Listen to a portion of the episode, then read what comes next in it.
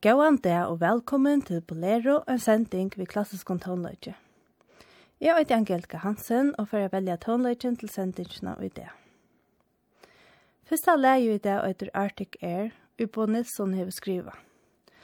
Bo Nilsson var svenskare fødder i Vesterbotten i 1923. Som tøvnaskald er han fyrt det meste kjollartur, til at han og ungen Aron fikk av sin drev undervisning fra en lokal og musikkskolalærere, og fekst vi av være jazzpianister. Han lærte seg selv å skriva tonløyk via lorsta negv etter utvarsmån og komponera tonløyk via ublåstre vi tog og han hørte her. Og i 1931 skriva han et leserabrev her han vidtjekk at han nu seg en heist nøyt da han skriver i tonløyken vi at lorsta etter tonaskalten i Darmstadt støylen og et no Pierre Boulez og Karl Heinz Stockhausen i utvarsmån. Så jeg brukte han øyre til å skrive nødjan tånløyk og hesen stil. Og i all trusjonen var det mest i Torslandi at han var vel omtøkter, og i svørte visste mest som ønsken om han. Hvordan var det ikke hever Bo Nilsson etterlatt i åkken nekvann inspirerende tånløyk. Tånløykeren er alltid avforsøyen og hever som oftast et element og kommer avvarst av. Vi tver at høyre Arctic Air til honom, her han drever okken inn i en vekran heim, Mot i enda nun bryter han til vekra arktiska kvölde vi øyne Nilsson signature, en ovantaver klaver samljommer. Vi tøyra her Norrköping Symfoniorkester spela Arctic Air, Tjabon Nilsson.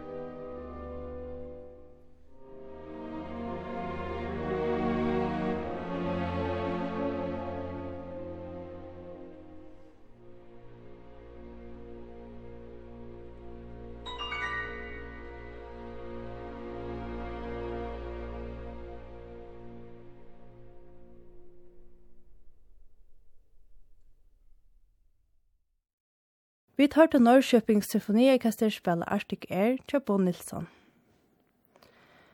Alondra de la Parra er dirigentur. Hon føddes i New York, men er oppvoksen i Mexico fra tog hon var tru år gomo.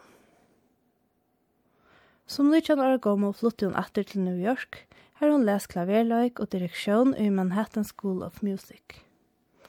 Og i 2003 ståna hon sitt egna orkester, The Mexican American Orchestra og i søttene navn til Philharmonic Orchestra of the Americas, POA. Vi POA hever hun utgivet tverfløver. Tan fyrra øyder mi Alma Mexicana, meksikanska salmen, og av hesar utgavene er et urval av kjentum og minnekjentum meksikanskon tøvnaskaldun omboi. Øyt at han møyre kjent og stikkjennom av utgavene er etter Arturo Marquez, og Øyder Dansson, nummer 2, fra 1994. Og hetta færa vi at høyra nå.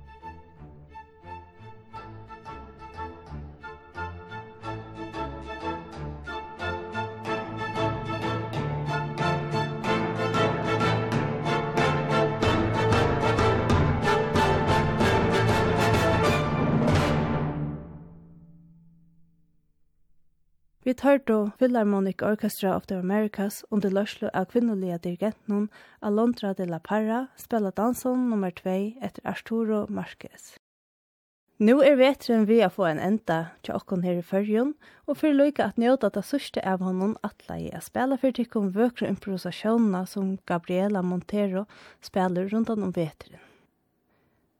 Vi kjenner alt her for årstøyene her til Vivaldi, fyrir vi linkonserter og hver vi trutja satser. Sørsta konserten Veteren og er i F-mål hever en vekran søgnan annan sats og er skrivagur i S-stor. Fyrir søgjan vi tria satsi atrafæra til F-målen. Vi utfører nå å høre og Montero spela en prosessjon i hentan vekra annan satsen. Hon spelar han ösnu i estor og teker inn i mittlen stittre eller langre tilvisningar til opprona lesikker.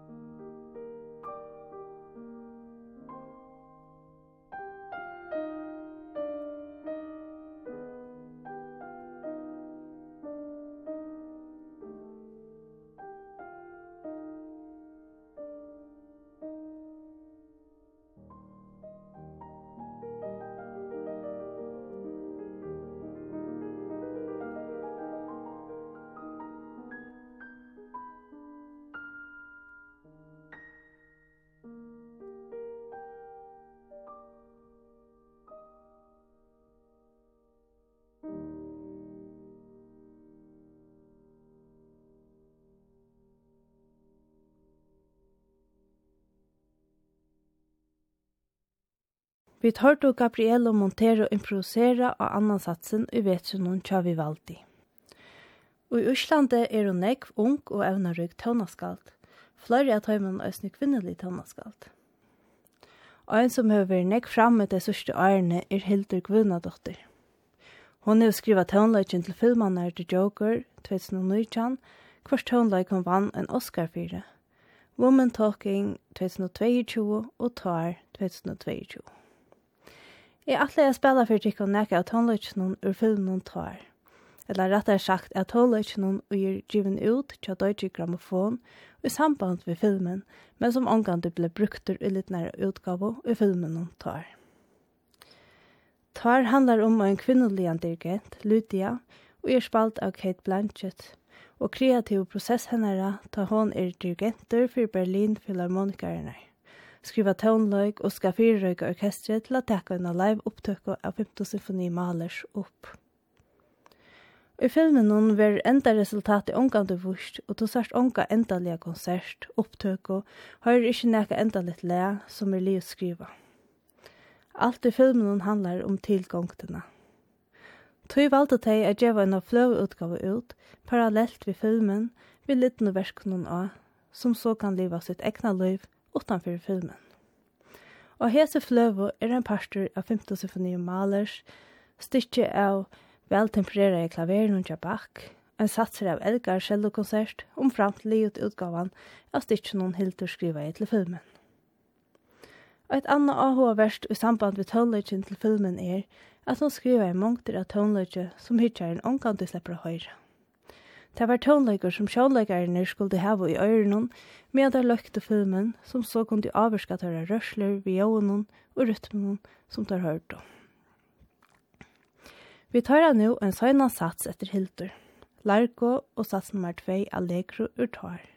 Det er London Contemporary Orchestra vi spiller.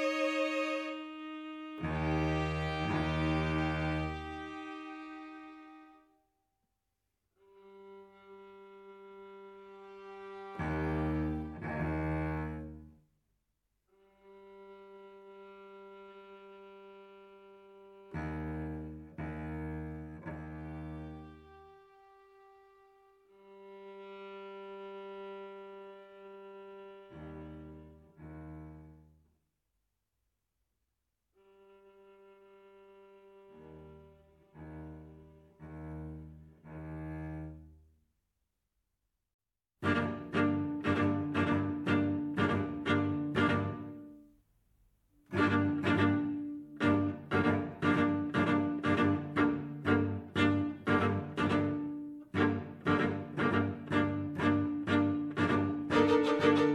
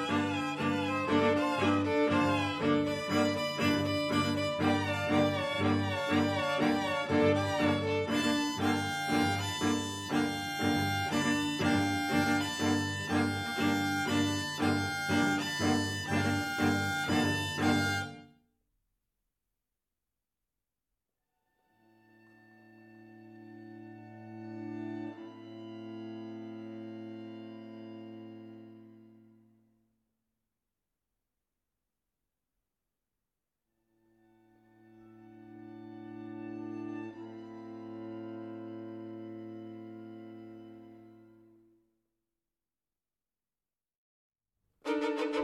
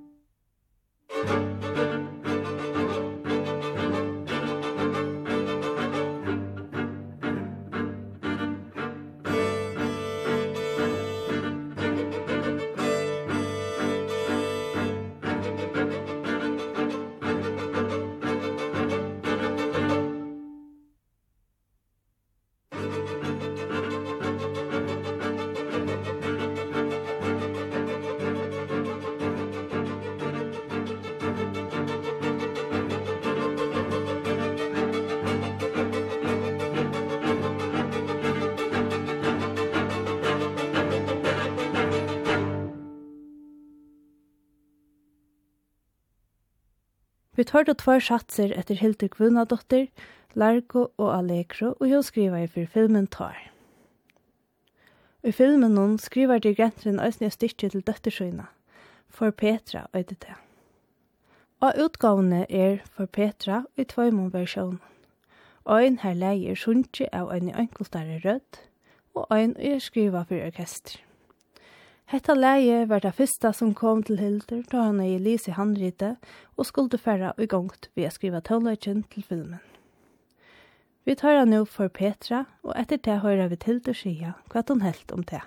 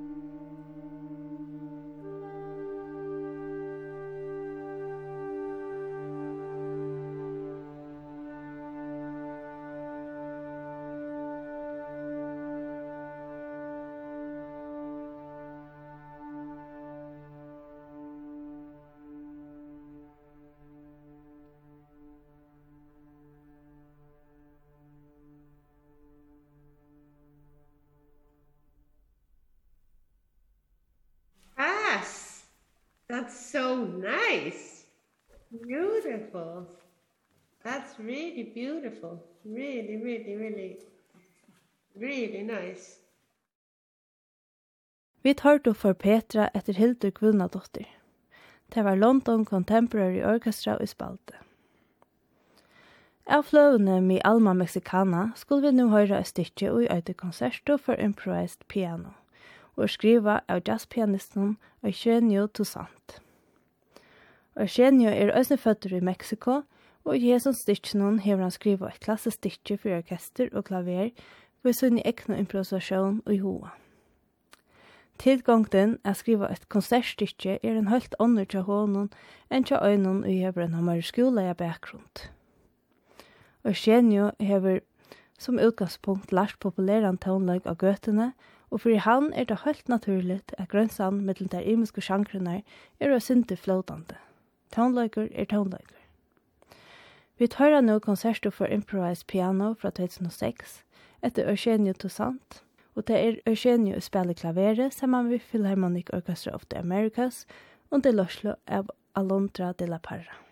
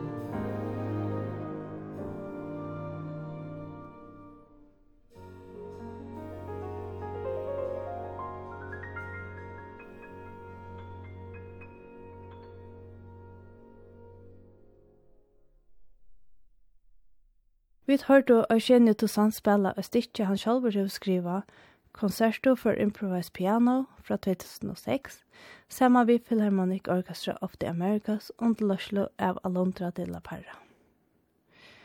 Nå er vi kommet til sørste stikke i det. Vi får at høre Melodia, og stikke i meksikaneren Gustavo E. Campa skriva i 1805. Daniel Andai spiller her violinparsten sammen med Philharmonic Orchestra of the Americas under løslo av Alondra de la Parra. Vi har som stilt noen vil jeg takke for at de lort av vi og i det. Jeg øyde Angelika Hansen og tøkninger i det er Kari Annenberg. Bolero vil enterkjent mannakvølte klokkan 22 og sendingen er øsne å finne av høymasynet til kringvarsmån kvf.fo framskak bolero. Takk for det.